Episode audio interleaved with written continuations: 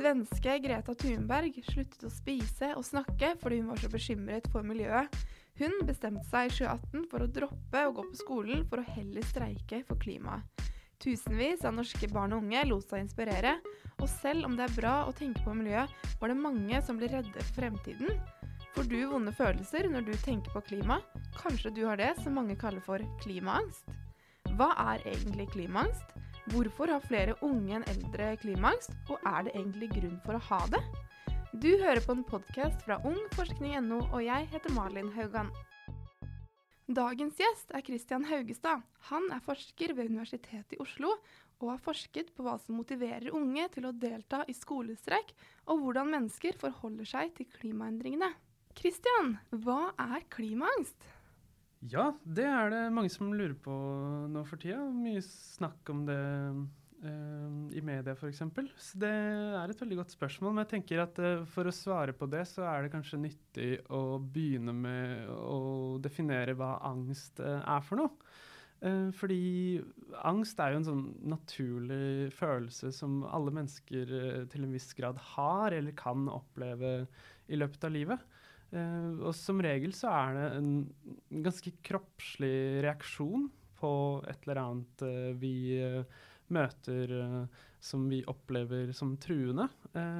så det er en, en veldig nyttig følelse som vi kan ha, som nettopp gjør oss klar for å på en måte håndtere den situasjonen vi er i. Og det, det, er jo noe vi kan oppleve f.eks.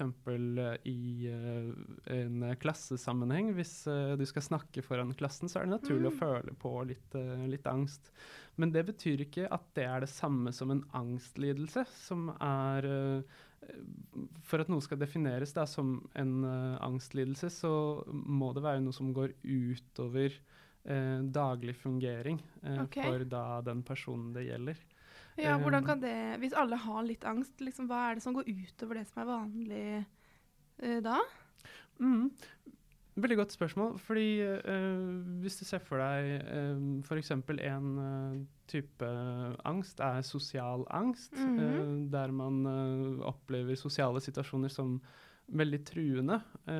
og da vil det være vanskelig for den personen som har sosial angst, å møte personer, henge med venner, utsette mm. seg for det å møte nye mennesker. som kan gjøre det vanskelig f.eks. å fungere i jobb eller uh, dra på skolen f.eks. Så poenget mitt med å definere dette først, før vi går inn på klimaangst, er mm. nettopp dette at uh, når vi snakker om klimaangst, så, så, tenker jeg det ikke er så lurt å, å snakke om det som noe sykt, da. for det er helt naturlig å føle en viss uro eller bekymring for da klima- og naturendringer ja. som vi står ovenfor. Så mm. kanskje egentlig angst er litt feil ord? Kanskje vi heller burde snakka om klimabekymringer eller uro for klima? Mm. Jeg tenker det kanskje er uh, et um, mer dekkende begrep for noe av det mange føler på for tida. når det er sagt, så, så er det mulig at man er såpass bekymra for klimaendringer at det gjør det vanskelig å sove, f.eks. Ja. At man uh, ikke klarer å konsentrere seg, er såpass uh, bekymra for klimaendringer at det går utover daglig fungering. Unge under 30 år skiller seg fra resten av befolkningen når det kommer til bekymringer for klimaet. En norsk undersøkelse viser at over halvparten av de under 30 år er ganske eller veldig bekymret for klimaendringene. Unge er også mer positive til å gjøre egne endringer som er bra for klimaet, men likevel mener unge at næringslivet og politikerne må bidra. Hvorfor har flere unge enn eldre klimaangst?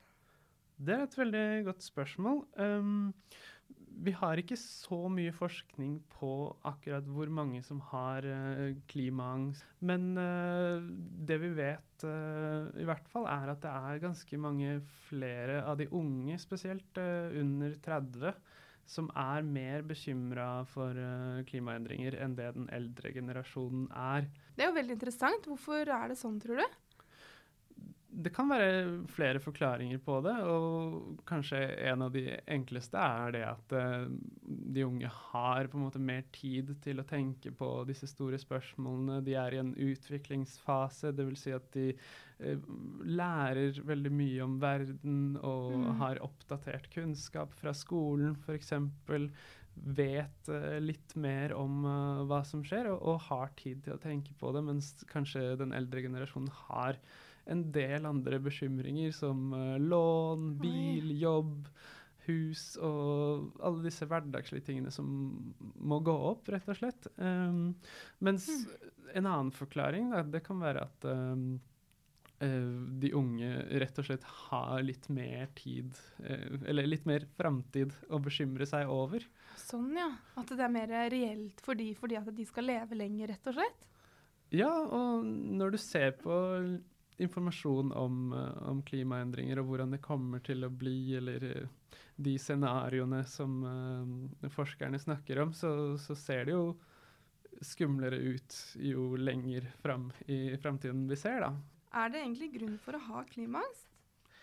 Jeg tenker at med den kunnskapen vi har nå om hvordan klimaendringer er noe som skjer her og mm. nå, at det definitivt er uh, grunn til å være bekymra for uh, hvordan det kommer til å se ut i framtiden, eller hvordan andre grupper har det, mm. og hvordan det kommer til å gå utover oss.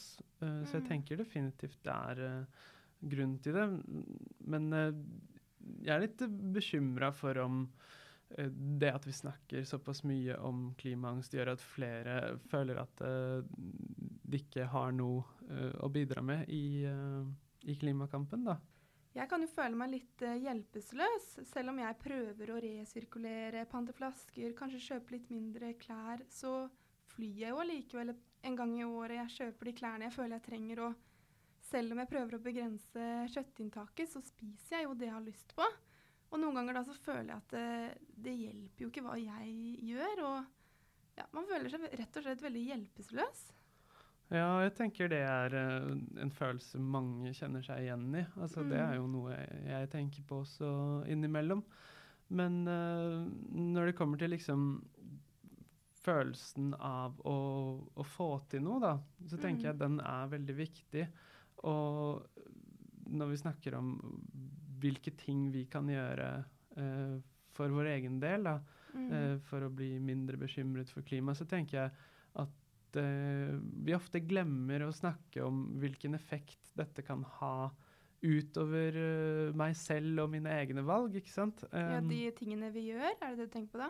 Ja, at det at jeg resirkulerer eller mm. spiser mindre kjøtt eller reiser mindre, har ikke bare en effekt på mitt eget uh, eh, CO2-avtrykk, men det kan også ha en effekt uh, for andre ved at du viser eksempel mm. og inspirerer andre til å gjøre noe mer. fordi klimaendringene kan ikke løses på individuelt plan. Og det tenker jeg er en, en viktig del av dette her, å, å, å, se på dette nettopp som en kollektiv uh, utfordring som vi må takle sammen. Da.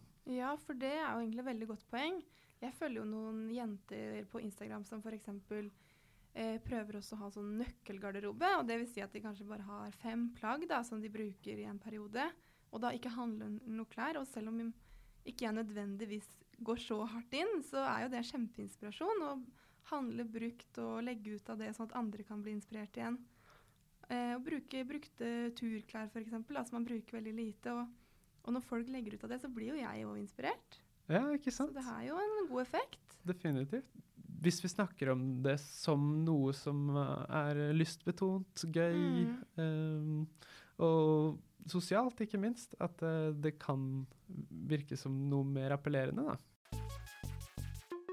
En norsk studie så på hva som motiverer unge til å delta på skolestreik for klimaet.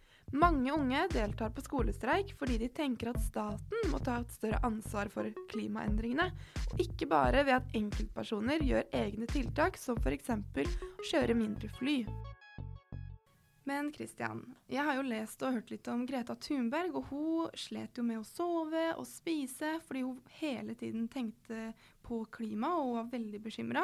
Og det kan jo ikke være gunstig verken for hun selv og heller ikke for klimaet. Så har du noen råd til de som sliter ordentlig med klimaangst? Ja, det, det er jo veldig lite produktivt. Mm. Uh, Både for en selv og som du sier, for, uh, for klimaet. Så det, det jeg tenker uh, er viktig å ta med seg eh, fra denne podkasten, det er eh, det at eh, disse følelsene er jo en måte kroppen sier fra eh, på. Mm. Eh, vi trenger en, en form for trygghet. eh, og at disse følelsene er eh, mye lettere å, å håndtere da, eh, hvis du gjør noe sosialt. Eh, okay. Altså helt konkret snakk med noen. Eh, Mm. Kanskje det er noen andre som kjenner seg igjen i disse følelsene, eller har noen av de samme bekymringene. Eh, kanskje det er noen eh, du kan finne på noe eh, sammen med. Eh, Mm. Organisere en plastplukkeaksjon. En, Ja, det er jo veldig gøy òg, da. ja, mm. Klesbyttedag f.eks. Men prøv å finne liksom det dere er gode på, og det dere er interessert i, Mm. eh, og gjør noe sammen for å nettopp få denne følelsen av at man er med å bidra på noe. Og kanskje det kan ha en enda større effekt ved å eh, rekruttere flere, eller vise andre hvordan Mm. man kan være miljøvennlig sammen. da. Mm. Eh, og i det store bildet, da, så eh, er jo klimaendringer noe vi må jobbe for, eh, ikke bare på individuelt plan, men også opp mot eh, politikere. ja. Så en annen måte å, å gjøre noe praktisk på, er å engasjere seg i en eh, miljøorganisasjon eller andre organisasjoner som jobber nettopp med disse temaene Mm. opp mot politikere, da. Det er kanskje ikke uten grunn at vi bekymrer oss for klimaet. Men det er likevel ikke nyttig for noen at vi slutter på skolen eller slutter å sove. Christian har gitt oss mange tips på hva vi kan gjøre for både å føle oss bedre og samtidig inspirere andre. I studio var Christian Haugestad, klimaforsker, gjest. Og jeg, Malin Haugan, var programleder. Er det noe du vil at vi skal svare på, send gjerne en mail til e-post at forskning.no. Dersom du vil vite mer om forskningen som er brukt i episoden, gå inn på ung.forskning.no.